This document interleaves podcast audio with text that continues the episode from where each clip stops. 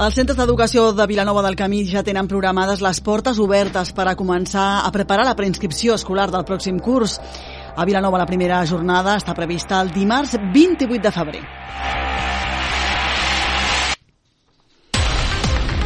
Les jornades serveixen per informar sobre els trets identitaris de cada centre, els projectes que es duen a terme, la metodologia d'aprenentatge i el funcionament en general dels centres vilanovins. Aquest dimarts inicia la campanya per fomentar la recollida selectiva de residus, en concret de la matèria orgànica. Tant demà dimarts com divendres es durà a terme el repartiment d'un cubell airejat d'orgànica i un rotllo de bosses compostables. Aquest dimecres, el Centre d'Innovació a Noi acollirà la presentació de la nova oficina Accelera Pime Rural de la província de Barcelona. L'acte començarà a dos quarts de sis de la tarda i, malgrat que l'entrada és oberta i gratuïta, cal fer inscripció. L'Associació Cultural Camp del Rei ha estat la guanyadora de la Rua del Carnaval d'Igualada. La comparsa vilanovina, amb el nom de Pop, Ali Pop Alici, ha tornat a captivar el jurat amb una carrossa i unes disfresses molt vistoses i elaborades. I el pròxim dissabte serà el torn de la Rua de Carnaval de Vilanova del Camí. De moment hi ha inscrita una quinzena de comparses, però encara queden uns dies oberts a la inscripció. El termini es tanca aquest dijous. El món de la cultura i la recerca està avui de dol a Igualada per la mort de Pere Pasqual Domènech. Avui ha acomiadat aquest historiador i catedràtic emèrit de la Universitat de Barcelona, nascut a Igualada el 16 de juny de 1945. I les activitats Esport i Salut arriben a l'equador de la temporada amb bons índexs de participació. Avui en parlarem també a esports.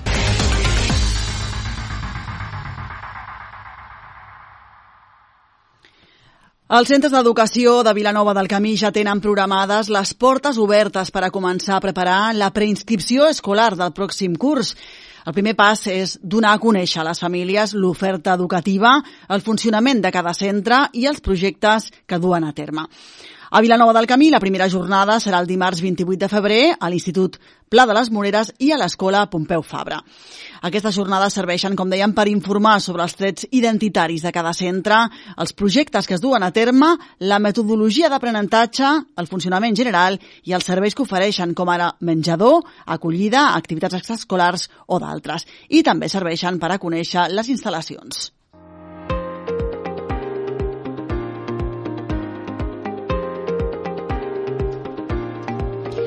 Els centres vilanovins han preparat algunes activitats i xerrades en el dia de portes obertes, en el cas de primària, mirant de coincidir amb horari escolar perquè els centres estiguin ben vius durant les visites familiars.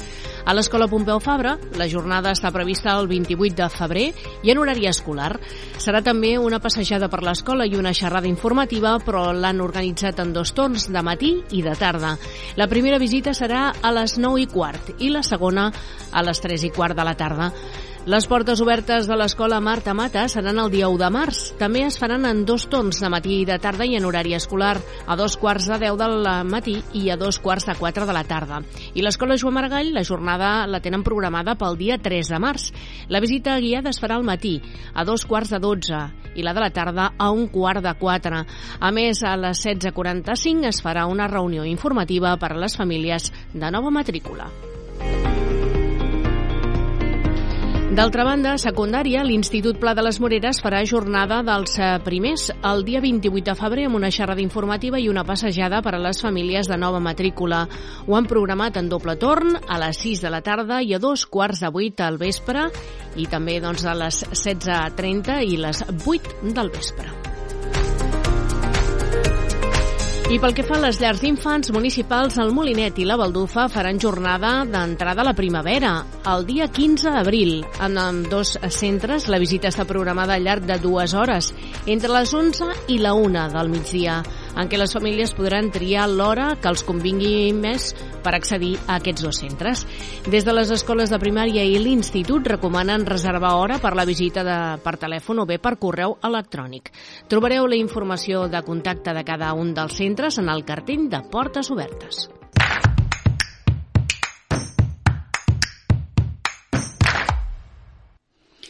Aquest dimarts s'inicia la campanya per fomentar la recollida selectiva de residus i en concret de la matèria orgànica. Tant demà dimarts com divendres es durà a terme el repartiment d'un cubell airejat d'orgànica i un rotllo de bosses compostables per domicili en diferents punts municipals que s'ubicaran al carrer. Aquest dimarts el lliurament de cubells està previst en tres parades simultànies, concretament al costat de l'escola Joan Maragall, al carrer Cristòfor Colom, al costat de l'escola Pompeu Fabra, al carrer Frajuni per Serra i a la plaça de les Vilanoves. I divendres, aprofitant l'afluència del mercat ambulant, es farà també el repartiment de dos quarts d'onze a dos quarts d'una del migdia a la plaça del mercat. Demà de 4 a 5 de la tarda en aquests tres carrers, en aquests tres punts. La campanya porta per lema per una vila neta és el torn de l'orgànica. L'Ajuntament vilanoví vol incidir en el valor del reciclatge, posant el focus en la matèria orgànica i la importància de fer una bona separació a domicili. I és que, segons dades del 2021, a Vilanova cada any produïm per habitant uns 446 quilos de residus, dels quals només seleccionem uns 178, el que suposa un 7,4% de la recollida selectiva municipal. La regidoria de Medi Ambient s'ha fixat com a objectiu augmentar i millorar la recollida de la fracció orgànica perquè no és de qualitat, diuen, si troben restes de plàstics, vidre i residus tèxtils i sanitaris i això provoca un augment també del cost de tractament. L'orgànica fa pudor quan no circula l'aire, ja que sense presència d'oxigen les restes comencen a fermentar i amb un cubell tancat es condensen i es queden a les parets o al fons del cubell, de manera que quan l'obrim fa pudor. És per això que es proposa aquest model airejat, juntament amb la bossa compostable, perquè permet l'aereació de les restes orgàniques i evita la presència d'aquests sucs perquè s'evaporen.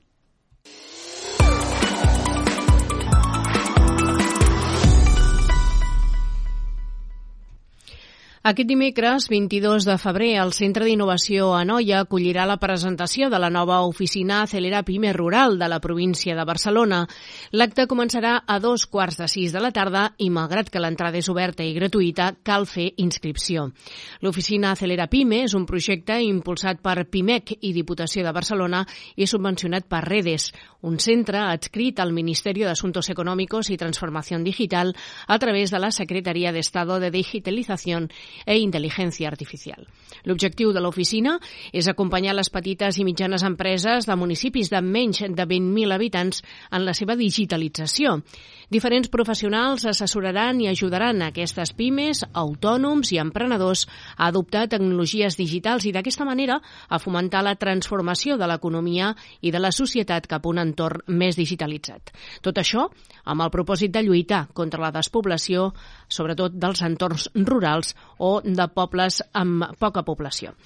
En aquest sentit, les oficines Acelera Pime en entorns rurals, com la que s'instal·larà a Vilanova del Camí, oferiran un conjunt de solucions i serveis, tant presencials com virtuals, per sensibilitzar les pimes i els autònoms sobre els avantatges i també les metodologies innovadores per optimitzar el funcionament dels seus negocis mitjançant la incorporació de les noves tecnologies en els seus processos.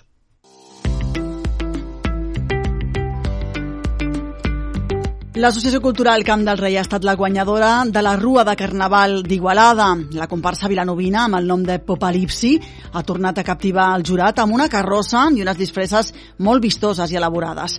El segon premi ha estat per a Loki Loqué, guanyadors de la passada edició, recordem, amb la comparsa titulada Connectem amb la mare natura, i el tercer premi ha estat per a l'Ateneu Igualadí amb Troiateneu, una altra comparsa vilanovina, la de l'AFA Joan Maragall, s'ha endut el quart premi amb la comparsa El Futur Ximple i també l'AFA Pompeu Fabra ha recollit un premi. La Rua Igualadina ha donat el tret de sortir de la Gresca i la Disbauxa amb una festa molt concorreguda que va recuperar la plena normalitat. Per a les comparses vilanovines ha tornat a ser la primera celebració de Carnaval. El pròxim dissabte moltes se'n repetiran per participar en la Rua de Carnaval de Vilanova del Camí. De moment hi ha inscrita una quinzena de comparses, però encara queden uns dies oberts a la participació. El termini es tancarà aquest dijous. El certamen repartirà un total de 3.850 euros en premis. Pel que fa a les comparses, es repartirà un primer premi de 600 euros, dos segons premis de 400, tres de 300, quatre de 200 i 5 de 100. També hi ha un premi especial a l'entitat col·laboradora de 150 euros i un premi a la millor disfressa individual de 100 euros. La Rua de Carnaval sortirà des del punt habitual al carrer Cristòfol Colom i a la mateixa hora que altres edicions, les 9 del vespre. El recorregut serà també, com sempre, fins a arribar a Camp Passeït, on es farà el repartiment de premis. El jurat estarà format per diversos membres de la Comissió de Festes i del Consell de Joves La Xispa, així com personal municipal. Recordeu que les inscripcions es poden fer de manera presencial al Departament de Cultura o a través del web municipal vilanovadelcamí.cat. D'altra banda, aquest dijous és també l'últim dia d'inscripcions al concurs de màscares que s'organitza per tercer any consecutiu. El certamen està obert a les persones empadronades a Vilanova del Camí. Les obres es poden presentar a Camp Passeig de dilluns a divendres de 4 a 8 del vespre i dijous i dissabte també al matí de 10 a 12 del migdia. La dimensió, materials i tècniques utilitzades per a la creació d'aquestes màscares de carnaval són lliures. El jurat valorarà la creativitat de la composició, l'originalitat dels ornaments i l'harmonia del conjunt. I es lliuraran tres premis de 100, 75 i 50 euros respectivament. Les màscares, a més a més, quedaran exposades al vestíbul de Camp Passeig des d'aquest dijous i fins al dia 5 de març. I com a novetat aquest any, la Festa de Carnaval de Vilanova del Camí recupera una de les tradicions d'aquesta celebració, l'enterrament de la sardina.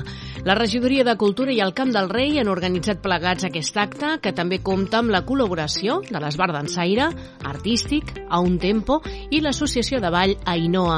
El celebraran diumenge, 26 de febrer.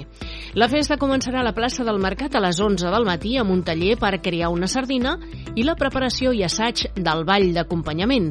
La comitiva sortirà a dos quarts d'una i acabarà l'enterrament a la plaça de Camp Passeig, on es farà la cerimònia i cap a un quart de dues del migdia. I tot seguit es farà un vermut. Els tiquets es poden adquirir de manera anticipada a Camp Passeig del 14 al 23 de febrer de 9 del matí a 8 del vespre al preu d'un euro.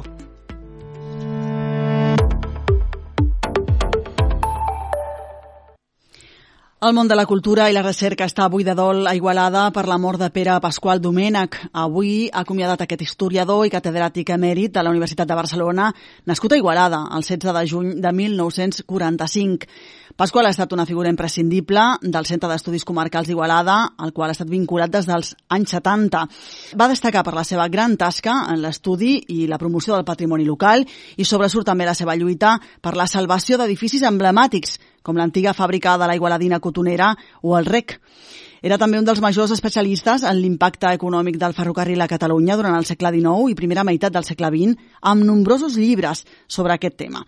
Un dels seus darrers reconeixements va ser el Premi Recercat, que es va entregar i rebre a la capital de la Noia en el marc de la capitalitat de la cultura catalana i a més a més l'any 2018 va rebre també el Premi d'Honor Ciutat d'Igualada. Ens ha deixat un llegat d'obres, entre elles agricultura i industrialització a la Catalunya del segle XIX, fàbrica i treball a la Igualada de la primera meitat del segle XIX, amb la col·laboració de Josep Alert, Ramon Bori, Miquel Gutiérrez i Miquel Termens, també Los Caminos de la Industrial o el Coure, conjuntament amb Jordi Nadal.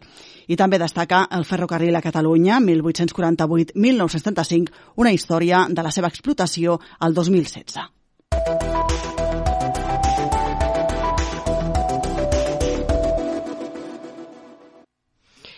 La restauradora anoyenca Sara Berzosa Domingo ha estat reconeguda amb el Premi Restaura 2022 lliurat per la Generalitat de Catalunya mitjançant el Consorci de Comerç, Artesania i Moda.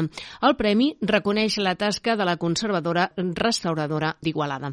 Aquest dilluns recull el premi en un acte al Palau de la Generalitat que estarà presidit pel president del govern, Pere Aragonès, i pel conseller d'Empresa, Roger Torrent. L'acte es podrà seguir en directe a través del web en govern.cat. D'altra banda, la Generalitat també ha reconegut amb el Premi Nacional d'Artesania 2022 l'empresa Vitralls Bonet per la trajectòria, l'excel·lència en la producció de nous vitralls i la seva aportació a la reconstrucció i rehabilitació del patrimoni arquitectònic català. Alhora ha atorgat el Premi al Talent Jove, la ceramista Sara Reig Pensi, ha atorgat el Premi Empren al vidrier Pròsper Riba Pilardell i ha reconegut l'artista tèxtil Esther Chacón Ávila amb el Premi Prestigia. Amb aquests eh, cinc guardons, el govern vol correspondre a la vàlua i la transcendència que té l'artesania dins la societat catalana i alhora contribuir a donar-li la màxima projecció mitjançant el reconeixement de la feina del sector.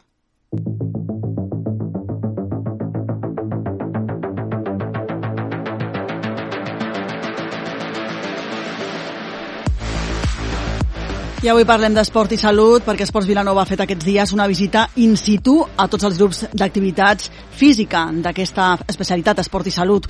Un cop superat l'equador de la temporada, els índexs de participació, diuen, són elevats. Els grups estan repartits en els diferents espais municipals de proximitat. Són un total d'11 de les activitats d'adults, l'activitat física de gent gran i l'activitat física especial. En total, prop de 200 persones que s'acullen a aquest programa Esport Salut Municipal, conjuntament amb un grup de 40 persones més de cercles de passejades, de marxa nòrdica i una setantena d'abonats al gimnàs de musculació de Cantitó. El regidor d'Esports, Rafael Gavarri, ha participat del lliurament d'obsequis als grups que practiquen gimnàstica als matins a Cantitó i ha comprovat de primera mà la bona marxa d'aquesta activitat. Tot i que els grups estan força plens, encara hi ha algunes places en algunes de les activitats dirigides. I si hi ha persones interessades a donar-se d'alta, es poden posar en contacte amb el Servei d'Esports a Vilanova del Camí.